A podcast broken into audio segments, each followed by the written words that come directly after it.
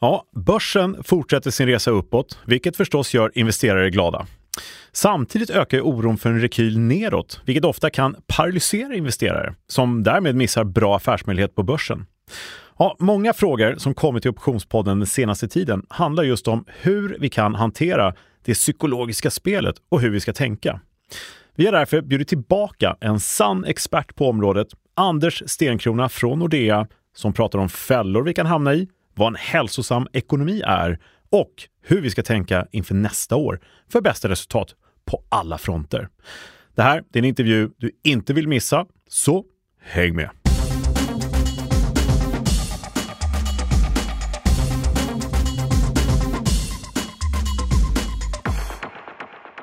Ja, men varmt välkommen tillbaka till Optionspodden.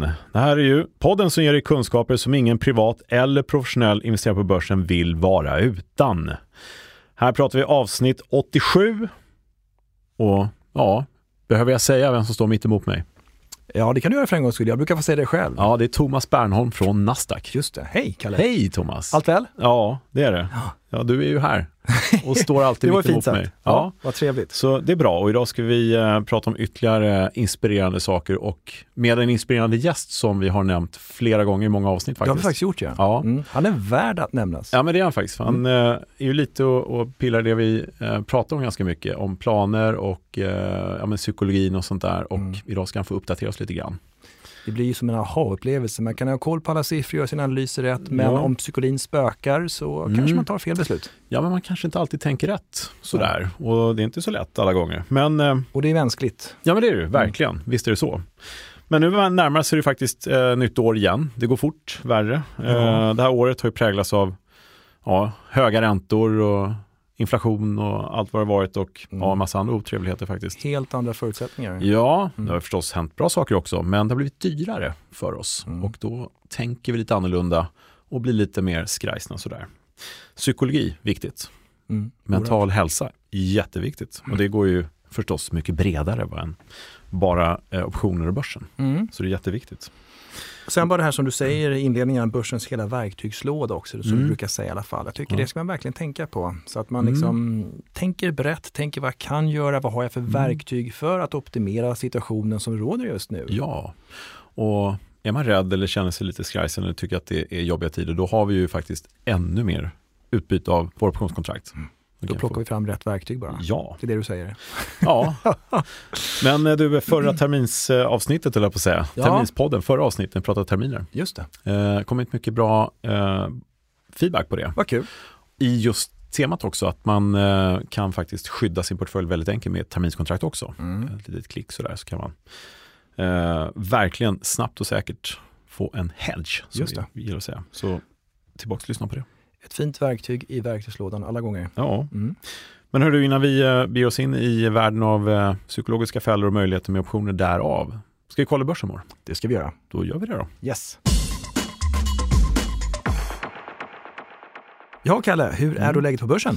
Ja, läget är positivt på börsen, Mm. minst sagt. Eh, Eller minst sagt, det är så att ja, den här fortsatta resan uppåt eh, har ju verkligen satt sina spår. Det går upp eh, och upp och upp. Eh, Nej, så otroligt positivt är det inte, men det har verkligen eh, eh, blivit en ny trend uppåt. Sen hade vi en bottenkänning här i slutet på oktober var det väl? Mm, just det. Det har gått eh, fyra, fem veckor sedan dess och Mm. eh, det har tickat på uppåt bra har det Det har gjort. gjort. Verkligen. Ja, och den här tekniska nivån för de som är tekniker där ute så har vi ju kollat på den här 850-nivån om du Mm. minns.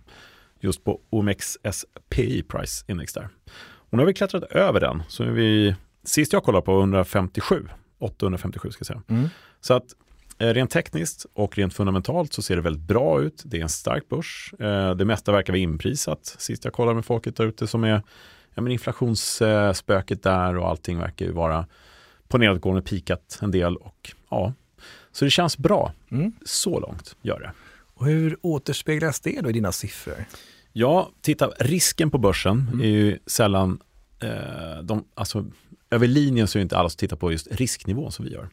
Och den är ju väldigt låg, eh, Mm. ska man ju vara medveten om. VIX-index är på eh, 13, vad har jag här? 13,19 sist jag kollade. Och det är väl ovanligt lågt? Det är väldigt lågt Mm. och eh, sist hade vi faktiskt ännu lägre, 12,79 tror jag var för prick två veckor Ja, sedan. just det. Och eh, det har tickat lite, lite, lite, lite uppåt. Så. Men det är nästan svårt för VIX-index att komma lägre. Mm. Det är väldigt låg risk. Och det här känns ju naturligt när börsen går upp så mycket som den gör. Det mesta är inprisat och risken minskar helt enkelt. Mm. So far, so good. Men då blir det ju då att många oroar sig då för att det ska bli ett bakslag förstås. Om det bara går upp hela tiden, då kommer man ju lite, lite närmare den här lite mer eh, ordnade nedgången om man får kalla det för det. Mm. Vinsthemtagningar kanske eller någonting. Mm. Eh, eller att det är, det är väldigt skört där ute som, eh, ja men vi har ju ja, men, konflikter i världen och vi har ju eh, massvis med saker som kan dyka upp nu som kan få det här att vända. Så vi ska inte bli pessimistiska. Men investerarna där ute är förberedda. Och det ser vi då i SKEW-index som eh, fortfarande på höga nivåer, har eh, varit över 140 här eh, ganska länge. Mm. Det betyder att från det normala kring 120 så betalar man upp premium för nedsidan för att skydda sina portföljer och man är villig att betala ganska dyr premium här faktiskt, försäkring, för sina portföljer. I Så- förhållande till andra optioner då. Ja, precis. Ja, just det. För, I Eh, och med att vixen är ganska låg så kanske det inte är så dyrt i kronor och ören eller Nej, dollar. precis. Ja. Exakt så. Det är det ju inte. Utan, eh, man har ju en hedge eh, på at the money kan man säga. Sen så betalar du upp för att köpa premium eh, på nedsidan som är eh, dyrare helt enkelt. Du betalar upp eh, allt annat lika Mm. på nedsidan. Mm. Och eh, i de relativa termerna så är det ganska dyrt. Eh, och det indikerar att det är en viss oro där ute att det ska Ja, komma det. någonting som är lite högre än vanligt förstås. Behöver i sig inte vara så väldigt onaturligt, men Mm. det finns där och det är ja, viss eh, förberedelse i alla fall. Ja. Och För- är upp lite grann sen vårt senaste avsnitt eller? Eh, ja, vi hade över 140 sist också, 141,5 och nu 144,5, så inga stora rörelser sådär. Okej. Eh, så det har varit ganska låg volatilitet om vi säger på SKEW-index. Okej. Så. Men bra att hålla koll på, för Mm. att eh, om det blir eh, eh, någonting som är underliggande blir mer oroligt än vad vi kanske ser till dagligdags i nyhetsflödet, då brukar det här indexet sticka iväg ganska ordentligt. Eh, upp mot 150 som vi såg sist det eh, gick neråt en bit. Ja, just det. Ja. Här för fem veckor sedan. Ja, någonting åt det hållet ja. Sen när vi tittar på nivån eh, av hur mycket man betalar för VIX-optioner, Mm. alltså optioner på VIX-index, som vi brukar titta på, så har vi en eh, i relation till hur VIX-index i sig är, det är ju ganska lågt som vi sa, Yes. så har vi volatiliteten för VIX-optioner som är, den är också låg, men den är inte liksom i relation till VIX-indexet själv så pass låg så att man har hunnit med där och korrigera. Det gör att den här ration är ganska hög, fortfarande kring 6,5 faktiskt. Det är ju ganska högt ja. Det är ju det. Mm. Och de gånger tidigare vi sett det här ration eh, vara mellan 6 och 7 så har det kommit förr eller senare en korrigering. Nedåt. Som, ja, det är Mm. ingenting som är alltså, en, en garanti. Nej. är det inte. Men det ökar sannolikheten väldigt mycket Just för det. att vinsthemtagningen ska komma. Eller någonting annat för den delen. Mm. Vi kan säga så här att om det kommer en dålig nyhet, får vi hoppas att det inte gör, men då är det extra känsligt just nu. Då kommer en nedgång på börsen få vissa optionskontrakt att kicka in och då kommer det späs på, så kommer det kanske gå lite fortare. Helt Okej. enkelt. Ja, för det här Så. har ju stämt hyfsat bra som vi har konstaterat. Vi får Mm. se här hu- hur det ser ut. Men eh, intressant att följa. Precis. Så att det är lugnt i leden, det är fin börs, det är bra uppgång, men det är en beredskap på att det kan vända ner. Så att egentligen inget ja, superkonstigt, Nej. men eh, ja, bra index att hålla koll på. Yes. Har du någon kommentar kring våra egna papper, brukar säga? Ja, vi tittar ju på vårt eget index. Eh, Med väl- XS30? Ja, det är Mm. många som handlar optioner på OMX S30 indexoptioner till exempel. Här har vi en eh, väldigt låg eh, prissättning också, en implicit volatilitet på 13,9 Mm. idag. Eh, och eh, ja, historiskt har det inte rört sig så mycket, det har varit 12,6 historiskt, så att eh, det är inte så väldigt stor skillnad där. Det är ingen jätte-edge som vi brukar titta på. Eh, men eh, här har vi ju många som tittar på möjligheter att ja, men köpa på sig kanske lite mer optioner snarare än att man säljer. Även om det är väldigt populärt märke att sälja, eh, eller ja, sälja puts faktiskt på Mm. index. Få in snabb premium och sådär.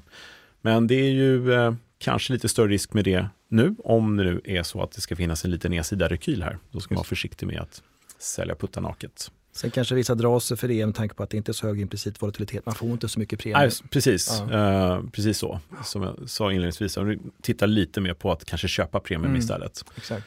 Eh, och när det kommer till de enskilda aktierna så är det ungefär eh, ja, man kan gå in på optionsbloggen.se och titta. Mm. Men här har vi ju över linjen så är det ganska låg volatilitet i många papper. Vissa papper sticker ut lite grann som ja, men till exempel Ericsson har ju varit på tapeten lite grann med en gigantisk order där från Cisco. Det har hänt lite grann på mm. premien där. Man kan titta lite. Hennes och Mauritz är alltid väldigt intressant att titta på. Här har vi en ganska eh, stor edge faktiskt. Ganska dyra optionskontrakt. Eh, varit lite ja, men spekulationer, över 50 procent. Eh, så många som tittar till exempel på ja, men kanske covered calls eller någon som långsiktigt vill in Hennes och Mauritz tänker kanske sälja puts ja, och sådär. Så. Och edgen är drygt eh, 20 procent? Ja, det är ganska mycket. Ja. Eh, sen finns det ju anledningar till varför den har rört sig kanske och så kan man ju titta på de här edge-listorna. Finns det en anledning till att det har blivit väldigt mycket dyrare just nu. Mm. Kommer rapport snart Exakt. eller har varit någon nyhet och sådär. Så det är lite ett analysverktyg i sig. In och kika. In och kika, mm. väldigt bra. Men en annan del är ju faktiskt den psykologiska biten. Uh, Stor och betydande del. Ja, men den är ju nästan huvudsaklig skulle jag säga. ja. faktiskt. Och det är den som styr faktiskt prissättningen av våra kontrakt i optionerna och sådär. Ja. Men uh, vi har ju Anders här. Det har vi. Ska vi ta in Anders och lyssna vad han har att säga? För han är eh, en man av vida kunskaper i ämnet. Verkligen. Vi tar in honom. Det gör vi det. Bra. Bra. Ja, men då säger vi varmt, varmt välkommen tillbaka till Optionspodden, Anders Stenkrona. Tack så mycket, tack för att komma. Hej. Kul att ha dig här igen, ja. jätteroligt. Vi har saknat dig. Som vi har väntat. Och som jag har saknat det här. Ja. Bra att det är ömsesidigt. Ja, eh, nej men eh, Välkommen tillbaka. Vi har haft eh, många teman längs resans gång sedan du var sist. Mm. Vad sa vi nu? Avsnitt 62 eller? 62, det är en eh, 25 avsnitt sedan ungefär. Ett år sedan ungefär. Ja, ja. Mm. men det har kommit upp på tal en del gånger mm. eh, av naturliga skäl. Men Bara positivt skulle jag säga. Ja, det hoppas jag. Tack, det var Tror jag. Ja. Eh, ja, faktiskt. men du, för de som inte eh, mot all förmodan lyssnar här, en liten snabb återblick. Vem är Anders Stenkrona? Ja, Anders Stenkrona, eh, doktor i finansiell ekonomi, fembarnsfar. Mm eh, jobbar för närvarande som eh, privatekonom på mm. Nordea. Mm. Just det.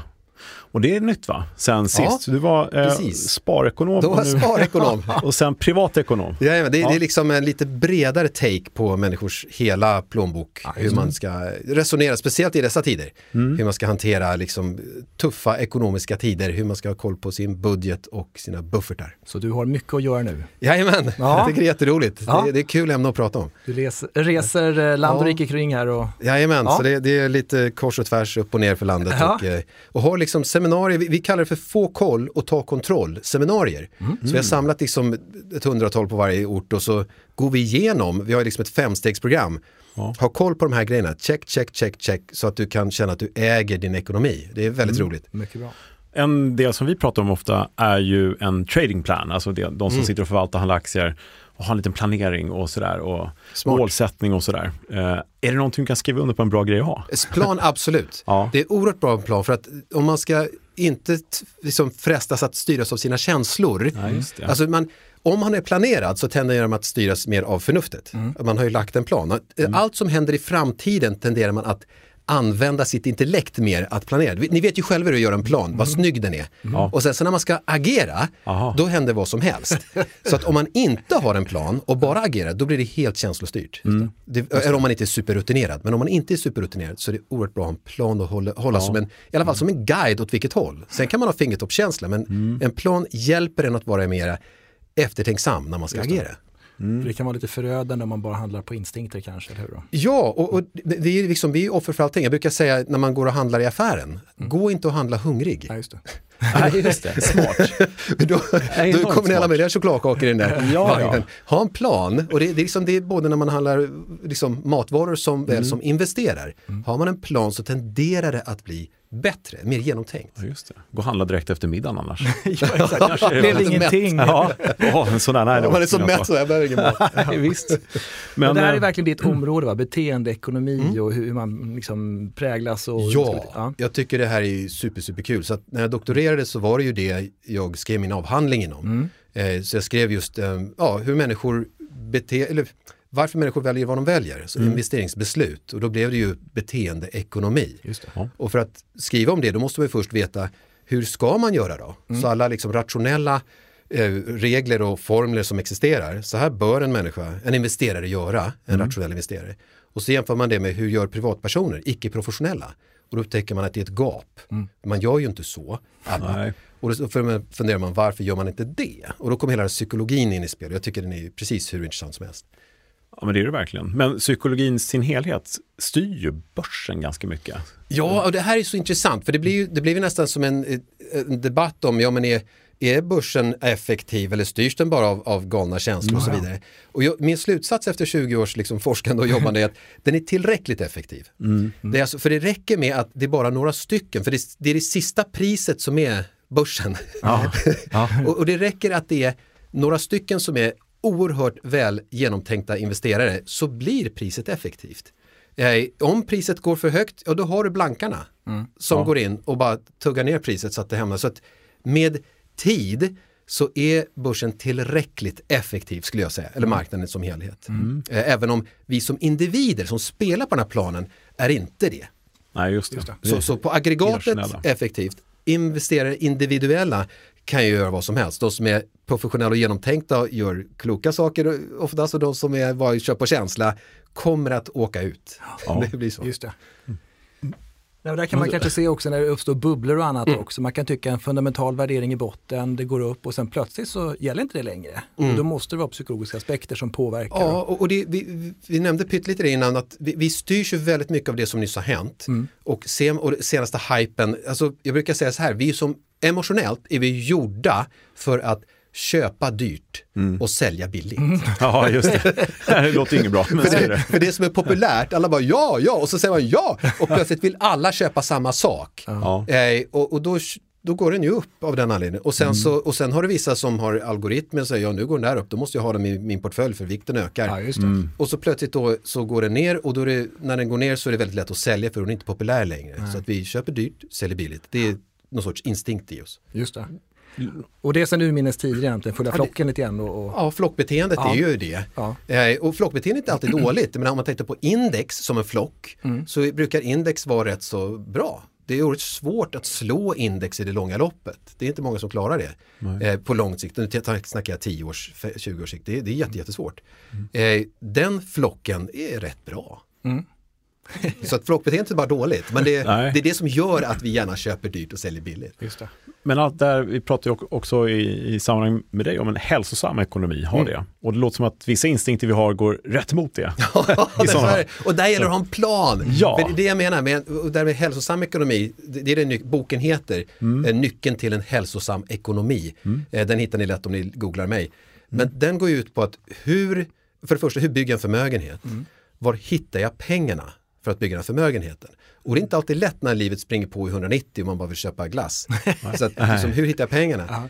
Och sen för tredje kapitlet handlar just om varför gör jag inte det här? för vi vet ju vad vi ska göra. Ja, Men om vi inte liksom har en plan så tenderar vi att bara hänga med. Alltså, vi, vi, bara inte, gör. vi bara gör. Vårt undermedvetna handlar åt oss. På något sätt. Exakt, och, och, det är så utstuderat hur man kan styra det där med olika marknadsföringar och så vidare. Mm. Och, och, sista kapitlet är då hur köper man lycka för pengarna? För när vi väl har fått ihop de här pengarna, vad sjutton ska man göra med dem? Ja, just på det. bästa sätt? Ja, just det, köpa glass. ja, ska man köpa glass? Det är det som är, ska man då köpa glass? Glass är lycka. Göra? Så är det. Ja, glass är lycka. Det, ja. det är en bra grej. Mm. Nej, så att hälsosam ekonomi bygger på att man eh, egentligen ska må bra när man tänker på sin ekonomi, så man inte liksom har ångest över den och i grund och botten allt bygger på, spendera mindre än du tjänar så du kan bygga mm. förmögenhet på lång sikt. Ja, för hela det här året, eh, bland annat med podden, det vi gjort på Nasdaq och försökt komma ut och utbilda människor och lära dem göra bra saker på börsen och sådär. Eh, det går ju hand i handske med privatekonomi mm. och hur folk mår framförallt. Och det har varit ett tufft år. Det blir privatekonomiskt jättesvårt med höjda räntor och inflation och sen så har man massa andra oroligheter och sådär. Och det här temat med hälsosam ekonomi har verkligen kommit på tapeten tycker jag. Verkligen. För folk tenderar att bli, att bli lite dämpade, lite ledsna nästan så här.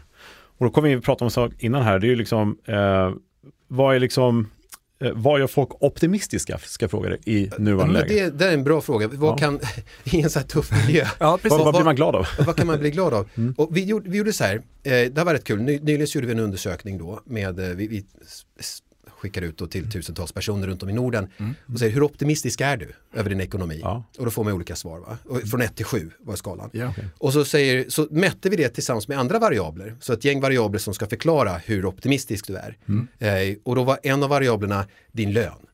Och då kunde vi tydligt se att de som har en högre lön var mer optimistiska över sin ekonomiska framtid. Och det kan ju vara logiskt. Mm. Så, att, logiskt. så såg vi det. så vi såg så här, om du tjänar 200 000 mer, eh, hur mycket mer optimistisk är du? Ja, det var en koefficient på någonting. Ja. Mm. Eh, och signifikant. Och sen så en annan sån där variabel var, har du koll på dina inkomster och utgifter? Mm. Har du liksom koll på din ekonomi? Och de som hade det, också grad 1 till 7, de som hade det visade också på en högre grad av optimism. Mm. Lika mycket mer optimism som om de hade tjänat 200 000 spänn till. Sådär.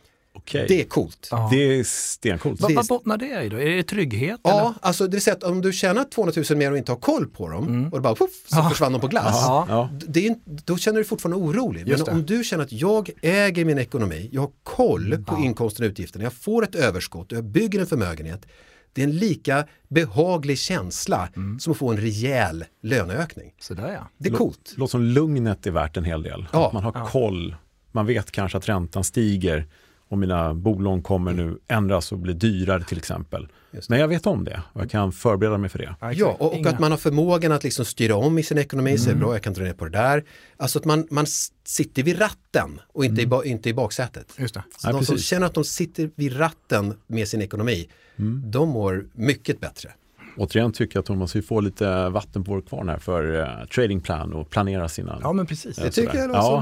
bra ja. Men 2023 som år, uh, det var ungefär ett år sedan du var här sist. Mm. Hur tycker du och det är dina så att säga på Nordea att året har varit? Vråltufft. Vi ser ju, mm. alltså 2023, rent privatekonomiskt när, vi, när jag är ute och pratar med människor, mm. det har varit en fråga om bara att överleva. Okay. Alltså 2022 så kom ju smällen där allting bara stack upp ja. och mm. folk upptäckte oj oj oj oj. oj. Mm. Och 2023 så hoppas man, hoppas jag klarar mig. Ja. så här ja. över. Ja. Så man satt och hoppades snart är det väl över. Och så blev det aldrig över. Nej. Det bara fortsatte upp, upp, upp, alltså räntor upp, priser mm. upp, bränsle, allting. Och det, det finns ett par förklaringar till det här. Det vi kunde se, alltså folk drog ner på sitt sparande. Så det vill säga att de hade utrymme i sina budgetar. Mm. Nu går priset upp och det de väljer att göra, många, är att sluta spara. Okej, det är en grej. Mm. Därför så bet inte räntehöjningarna. För folk kunde bara kompensera ah, med att sluta spara. Mm. Och sen så fortsätter räntehöjningarna och då kan man kompensera med att använda sin buffert. Alltså det man har sparat ihop sen covid-tiderna, mm. eh, sen pandemin. Det var ju ganska goda tider för de som eh, hade kvar sina jobb. Ja. Kunde inte spendera på någonting så blev ja, lagrat. Då börjar folk spendera det. Så mm. lagren börjar holkas ut. Mm. Och en hel del hade ju bundna räntor för räntorna var så låg och folk passade på att binda. Mm. Så bundna räntor, spruta, spara och ta från kofferten. Mm. De tre sakerna gjorde att räntehöjningar bet liksom aldrig. Nej. Inflationen fortsatte.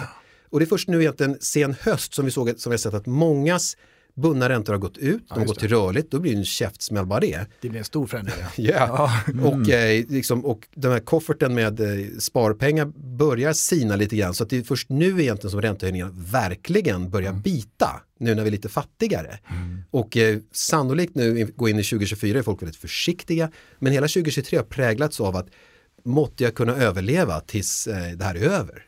Så folk har varit väldigt försiktiga och egentligen bara hukat sig i stormen kan ja. Mm. Och det här präglar såklart investeringsviljan. En sak är kanske brist på kapitalet då. Man har inte samma möjlighet att investera. Och så.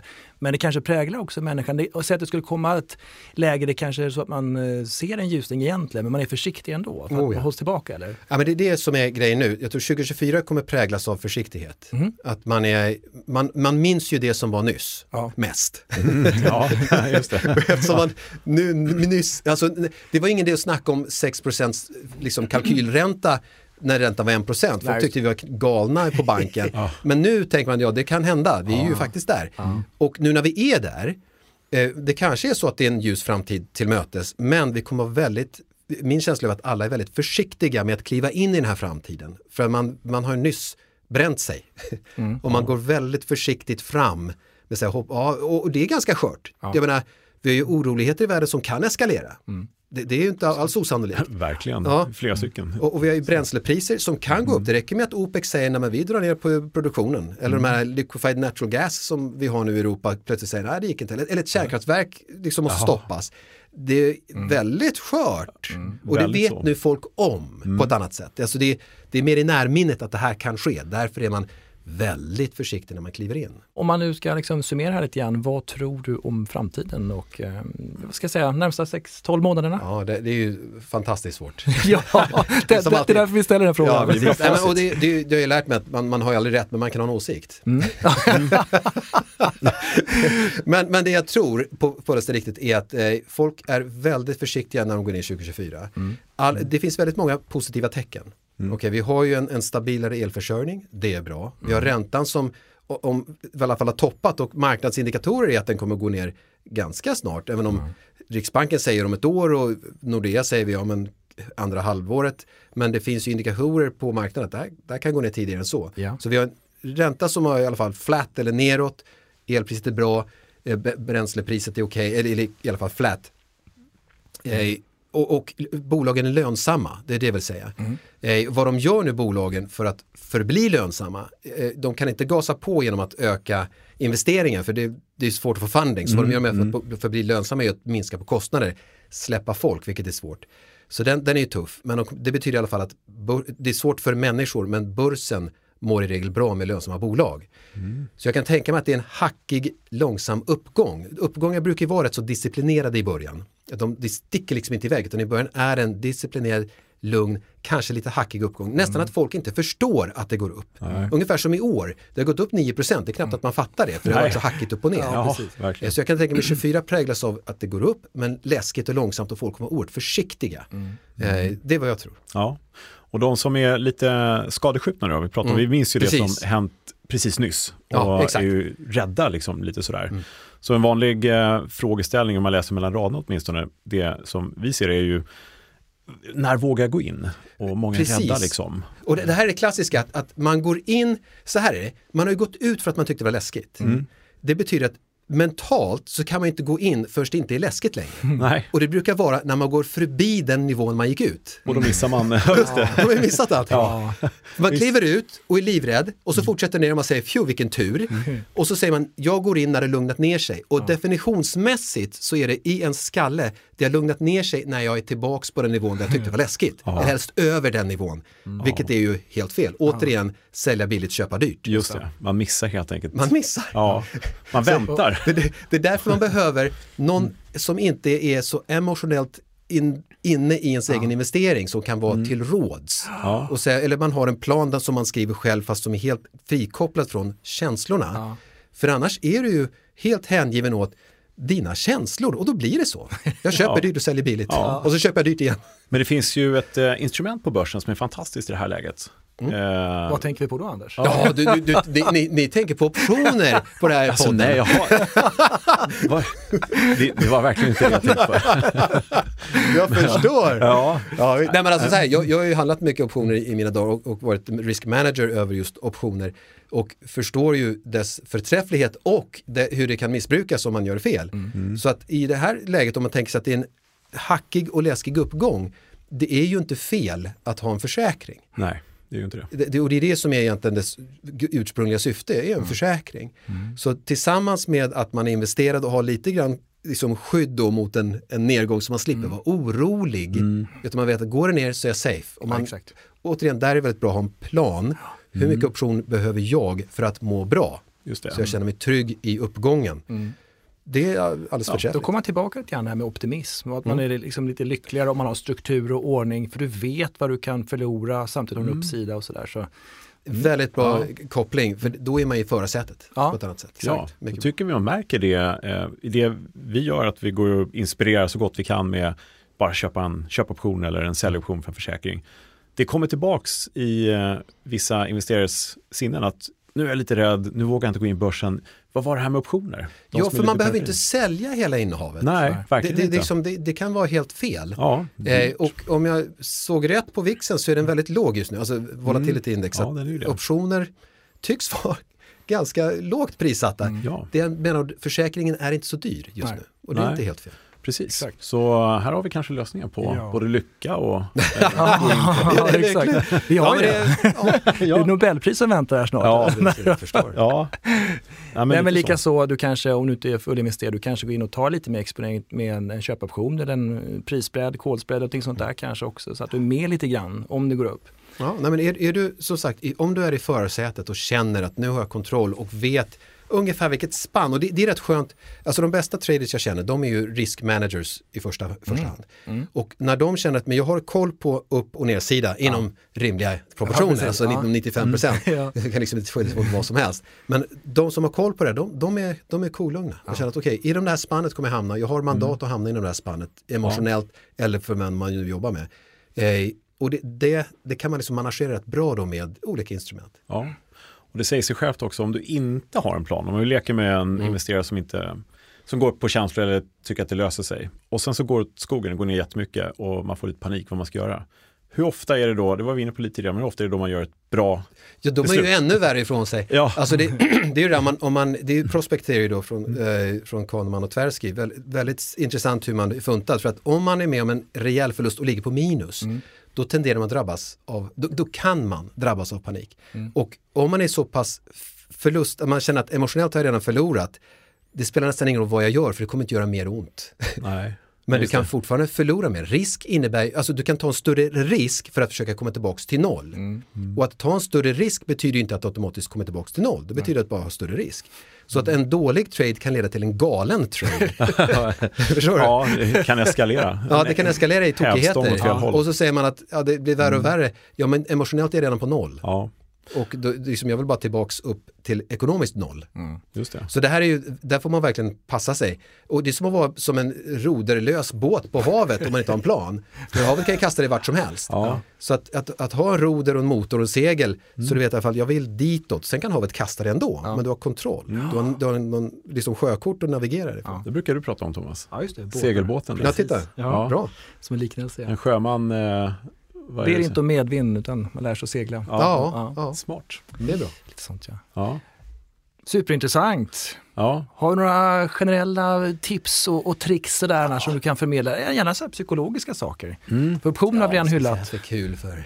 Mm. Jag tyckte det var så himla sist där senast också när du sa det. Väntar, vad väntar du på? Vänta ja. på vad då? Liksom? Ja. Är folk lite för fega Nej, men det, det, det, är ju en grej, alltså, det, det bästa rådet jag har som jag alltid säger när folk säger med investering det är att för första börja nu. Ja. Mm. Det, liksom, det, finns ju ingen, det finns ingen anledning till att vänta. Nej. För du vet inte när det blir bättre. Så börja nu mm. och så ser du till att göra det regelbundet. Det. För att du, du ska inte tajma det här. Gör det regelbundet, regelbundet. Så att det är goda principer, regelbundet under lång tid. Det är ju mm. det är nyckeln till och framgång. Och lite spridning kanske. Och, och, och, sista, tredje principen är just det, att man mm. diversifierar sig. Mm. Så att du vet att, igen där, du vet vilket spann du kan hamna mm. inom och må bra. Så att, säger det angående aktieportföljer, det är inte bara en samling bra aktier, det är en kombination av kompletterande aktier. Och därför också är optioner bra för att de har en viss egenskap som kan addera till den här kombinationen så att, det blir, så att de får, så portföljen får den egenskap du vill ha. Extra möjligheter. Det där lät jättebra. Ja, det tycker jag också. Nej, men så att ja. när du sitter i förarsätet så mår man bättre. Mm. Och är det så att man är ny eller tycker oj, hela världen, ta hjälp. Ja, mm. precis. Snacka med ett proffs och då tar ni fram en strategi och så håller du dig till strategin. Mm. Det, det, brukar vara bättre än att försöka hoppa in och ut för då i stunden så styrs man av känslor. Ja. Och kunskaper förstås är bra att ta till sig i den mån man kan, läsa på. Ja. Uh, jag provar faktiskt googla uh, Anders Stenkrona bok. Då kom optionsbloggen upp ganska högt. Titta där, ja. mina så, bästa vänner. Ja, visst. Hör man. Ja, och det är bara för att vi vill ha den där, det är inte för att du har tvingat oss på något sätt. Utan, eh, eh, så där i, i ämnet utbildning eh, så kan man ju faktiskt läsa ha, Har ni en länk till boken där? Absolut. Suveränt. Ja. Mm. Eh, det har vi. Vad bra. Ja, kan jag skaffa en till. Vi kan lägga upp högt upp. Nej, men det är väldigt bra. Så det var tips till lyssnarna. Ja. Ja. Du eh, Anders, eh, sist men inte minst, exakt hur går börsen nästa år, 2024? Hur många procent upp eller ner? Very good, ja. det är en bra fråga. Ja. Jag, jag, brukar alltid säga 10 procent för det är snittet över de senaste Smart. Men det sjuka är så här, det är nästan aldrig det blir 10 procent. det är bara snittet. det är bara snittet. Ja. Men jag säger 10, bara 10%. för att det, det, är, det är snittet. Ja. Ja, men härligt Anders, stort tack för ytterligare ett härligt deltagande. Ja, men tack podden. för inbjudan. Jättetack. Vi lär återkomma igen för att du hänger med oss på ett speciellt sätt hela tiden. Så får vi se om du hade rätt om dina 10 Ja, det blir väl spännande. Ja, toppen. Tack snälla. Ja, tack. Vi hörs ha det så igen. fint. Tack själva. Tack, tack. Hej. hej, hej. Det där var superintressant. Ja, men, eh, får en att tänka till lite grann. Verkligen. Och jag är glad över att eh, det bekräftades att en tradingplan är väldigt bra. Mm. Inte för att det behövdes, men Du är ändå glad för ja, det. jag är väldigt Ja. glad för det. Jag fick medhåll där. Ja. Nej, men superintressant och det kräver ju faktiskt eh, inte så mycket att lära sig lite de här psykologiska effekterna eller skapa en plan. Man kan skriva ner lite punkter, såna här mentala psykologiska saker att faktiskt ha också och titta Ja, på ibland. För. Man behöver bli påmind, känner Ja. jag i alla fall. Och eh, lilla disclaimer där, vi får inte någonting för att sälja Anders bok, men vi gör det väldigt, väldigt gärna. Gå in på bloggen och eh, titta på den. Mm. Och, eller googla upp den bara. Ja, den är väldigt bra. Mm. Komplement till Instämmer. Ja. Bra. Jaha, är det möjligtvis dags för frågor nu då, Kalle? Eller har du Ja. tänkt att disponera resten? Det är frågedags. Frågedags. jag. Ja, och eh, Alex eh, har ställt flera frågor faktiskt, men en eh, typ sammanfattning skulle säga, hur skulle ni rekommendera att vi hanterar situationer där vi måste köpa eller sälja till ett felaktigt pris på grund av lite dålig likviditet i svenska optioner? Och då tror jag Alex menar att det är ganska bred spread emellanåt Mm. i vissa papper, som det kan ju upplevas. Exakt. Och det första jag tänker på är att eh, man, och det har vi pratat om, eh, en market maker har en skyldighet att ställa ett pris med en viss spread. Och det må vara att det kan vara en, ett brett spann däremellan. Men om man stoppar in sitt pris mitt i spreaden, köpa eller sälja, så skapar man sin egen marknad. Antingen får man handla direkt på det priset, eller så blir det en ny marknad Mm. i kontraktet. Sen kan man då flytta lite närmare köpkurs eller säljkurs beroende på om man vill köpa eller sälja. Mm. Och då brukar det ju faktiskt slå till tidigare än på de sidor som ligger. Exakt. Och är man jätteosäker, man får en känsla av att spreaden är lite flyttad åt ändra hållet. Mm. Ja, så kan det Eh, vara. Så kan man ju faktiskt börja, säga att du lägger det som bästa köpare i alla fall om du är köpare. Mm. Så klättrar du upp lite, sen efter ett tag så kanske du hamnar mid Mm. price som du säger där. Precis så. Så mm, är man väldigt osäker så, så kan man ju, och det kan ju faktiskt vara så förresten också att det just inte är någon kvotering för stunden och det har vi också berättat om tidigare. Ja, just det. Då kan du höra av dig till din bank och Mm. eh, så, så ordnar man en request for quote, eller quote request, Ja, så att du får upp priser. precis. Och då, ja, då tajtas ju definitivt ihop. Mm. Och eh, för att avsluta den, det, det kan en market maker har ju en skyldighet att ställa pris, men en market maker måste också tänka på sin risk och bredda ut om det är möjligt, Mm. såklart. Men det finns ju alltid en vilja att vid förfrågan eh, ställa mindre brett. Mm. Men det bästa är ju att man stoppar in sitt pris i marknaden själv och provar, provar sig fram. Ja. Hoppas eh, det kan hjälpa. Mm. Linda har frågat, i det kloka tänket kring att ha en tradingplan, Se där ja. Se där, ja. Mm. hur ska man tänka som ny när man ska lägga till optionshandeln? Eh, ja, bra fråga. Eh, någon spontan? Nej, det är ju en ganska vid fråga, men för Mm. det första att man har koll på vad man vill åstadkomma och man vet vad det innebär. Kunskaperna. Ja, men precis. Ja. Mm. Eh, och, och tradingplanen, om det är så att jag ska sälja mina aktier vid en viss nivå, ja, Mm. men då kanske man tänker covered call-termer och sådär. Mm. Så att man liksom omsätter det till en strategi och man Just lägger det. in en order och så Ja, vidare. Så, Exakt, så man helt enkelt hanterar sin, eh, om vi leker med att eh, man har en portfölj med tio aktier som Mm. är, eh, varav åtta aktier är de mest omsatta. Då Mm. har man ju fin möjlighet att hantera alla de innehaven med ja, men diverse strategier. Mm. Antingen med de fyra grundpositionerna eller med någon call spread eller vad man nu har för marknadstro. Ja, men exakt. Och är man kanske svagt positiv till en, till en aktie, då kanske man eh, utfärdar både köpoptioner och säljoptioner, såld Mm. vagga mot innehav. Och Ja. liksom, om man har den eh, marknadstron. Så att, mm. ja, det finns så otroligt mycket man skulle kunna säga. Allt beror ju på vilken tro du har. Och, och, Exakt så. Men, Så- men eh, fastna inte i en strategi.